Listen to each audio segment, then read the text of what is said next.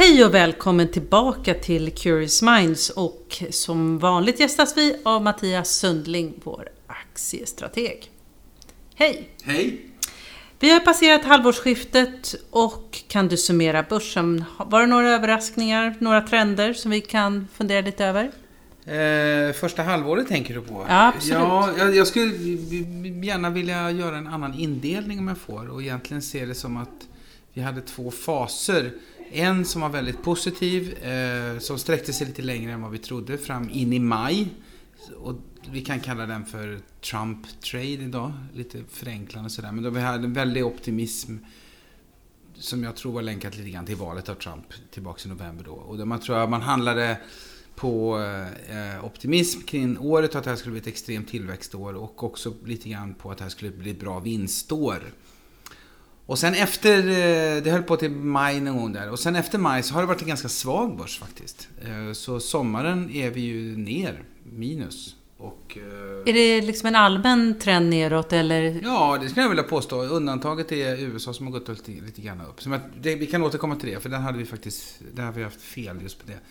Men så, så, så skulle jag vilja se det. Så att eh, halvåret var ju bra, var ju jättebra. Men eh, just nu så har vi ett lite svagare momentum. Har haft det, skulle jag vilja påstå, sen ja, någon gång mitten på maj eller någonting sånt där. För annars kan man ju tänka sig att börsen har varit relativt stabil trots de politiska risker. Vi diskuterade ju valet i Frankrike, Storbritannien kring Brexit och liknande, men även Trump som, Trump, som hade löften om handelshinder mot Kina och liknande. Hot om handelshinder.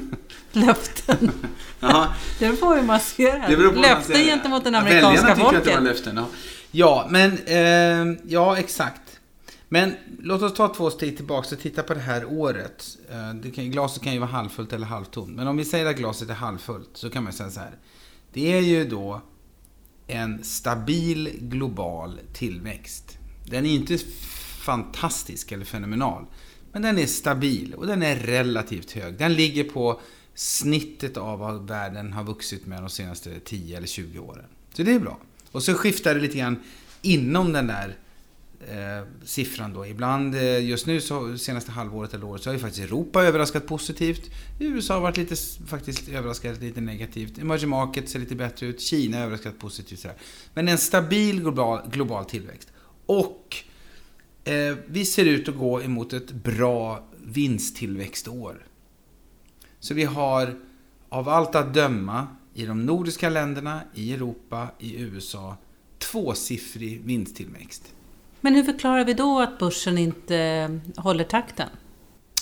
Jag kommer till det. Eh, men vad jag skulle säga var, det, det är bra. Så det är ju en, en, en otroligt stabil kudde för börsen. Det är ju svårt att säga börsen borde ha gått ner eller börsen borde krascha eller sånt där. Givet de här två förutsättningarna. Det, så det måste man ju ha i bakhuvudet. Eh, sen finns det andra saker just nu då, och det kan vi komma tillbaka till. Sådär. Men det är inte... Ju, nu, det blev inte riktigt så bra som vi trodde, därför att Trump fick inte igenom någonting utav de här eh, expansiva politiska åtgärderna. Och just nu är det lite taskigare momentum i vinsttillväxten och sånt där också. Men det du tar upp då, det är de här politiska grejerna. Och då, då kan man säga så här. Varför, vad du frågar efter egentligen varför inte börsen har gått ner mer eller varför inte, varför inte har varit oroligare Det påverkar ju inte så mycket. Man kunde ju tänka sig en ganska ja, stark volatilitet. Ja, ja, volatiliteten skulle man absolut kunna... Det, det håller jag med om. Men annars kan man säga så här att det, den frågan bygger ju då på en uppfattning om att vissa politiska händelser eller risker skulle ha ett visst utfall på börsen. Till exempel valet av Trump skulle vara negativt. Men det tyckte ju inte börsen.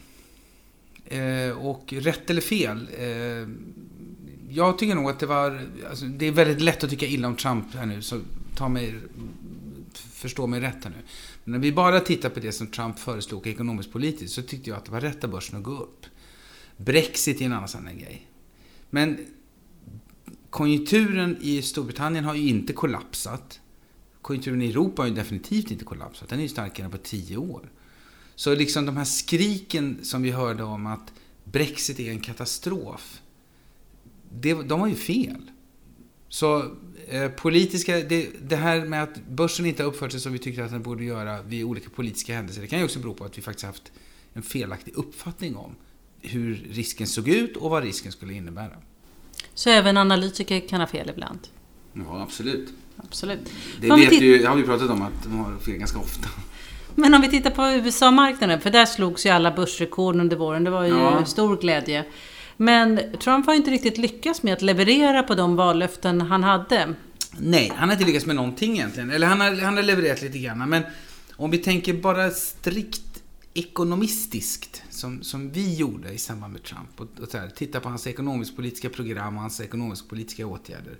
Och vi skiter i allt det andra tumultet kring honom och allt osmakligt och dumt som han hävt ur sig.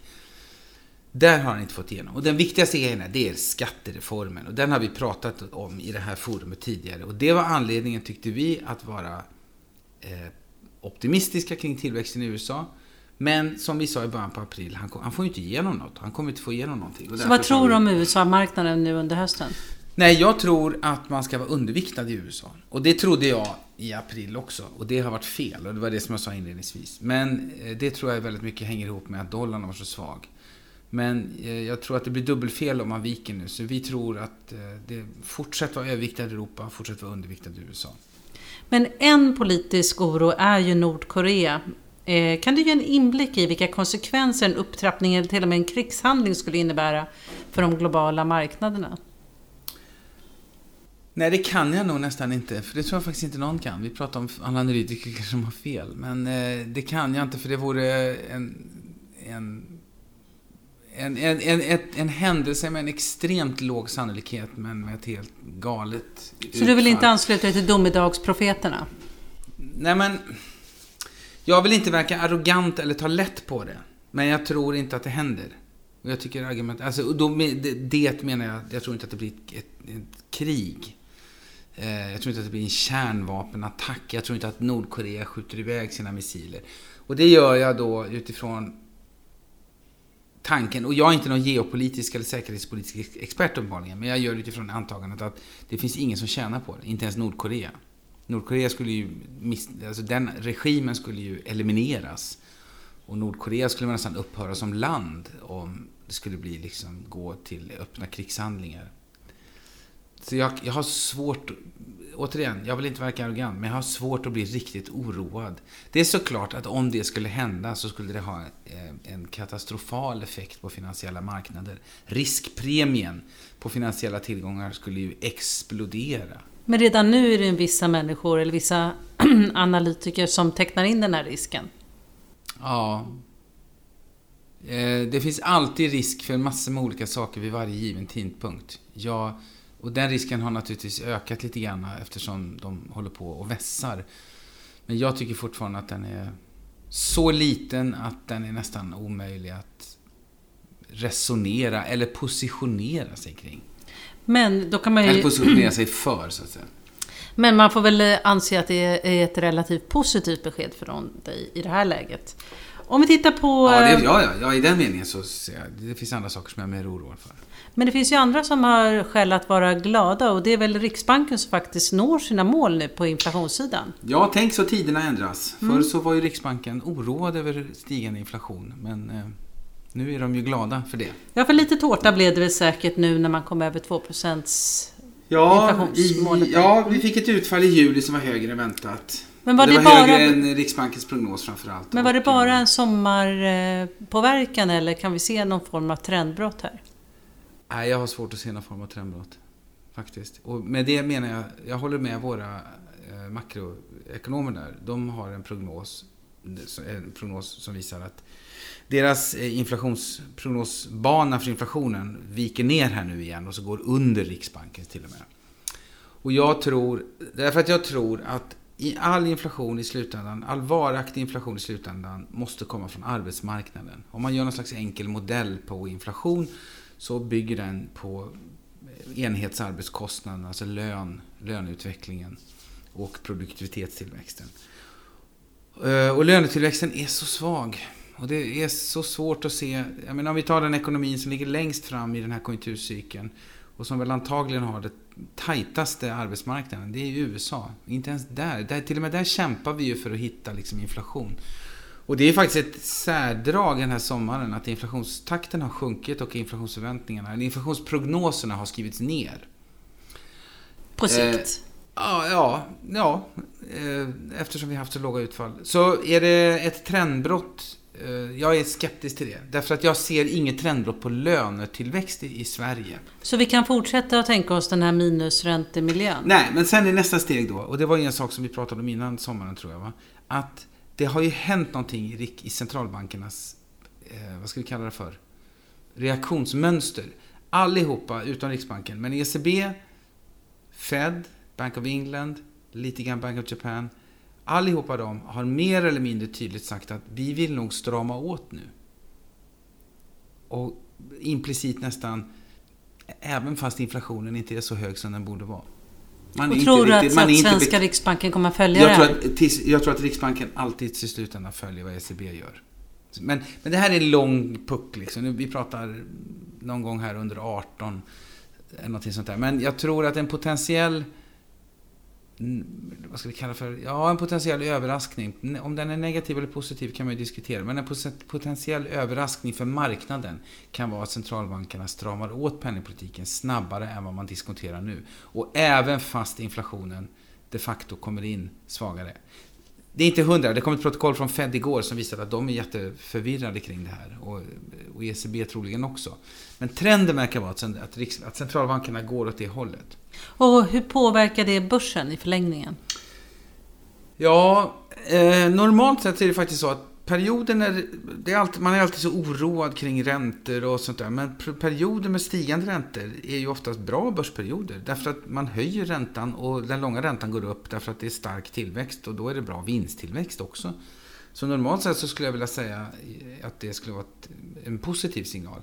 Den här gången är lite speciell alltså. Därför att det, man höjer räntan trots att inflationen de facto inte har kommit upp. Och man höjer räntan så himla långsamt.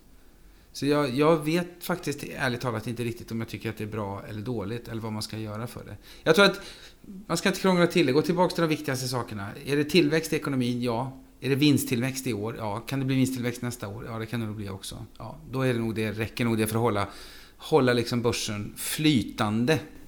Så det, det här gamla talesättet att sälja till sillen och köpa till kräftorna, det ser ut att stämma lite då? För kräftorna är här nu. Och det... Ja, lite grann. Ja. ja absolut. Vi så var... du ser positivt på börshösten? Ja, men jag har en ganska tråkig syn på börsen just nu. Mm. Jag, eh, så jag tror att det kommer inte att krascha. Nej, det kommer inte gå upp speciellt jättemycket heller. Utan vi kommer ha så lite sidledes... Vi står väl högre vid årsskiftet än vi gör nu, det tror jag nog. Men inte jättemycket. Utan det kommer att vara, tyvärr för mig då, för att det är inte riktigt det som vi är bra på. Men väldigt mycket så här stockpicking. Hitta rätt bolag i rätt sektor och sådär. Spännande i alla fall med en börshöst. Absolut. Så, ja, ja, Så att vi får anledning att återkomma och prata och se om du har fått rätt. Ja, mm. det är alltid kul. Ja. Tack så mycket för att du kom hit. Tack. Hej. Tack.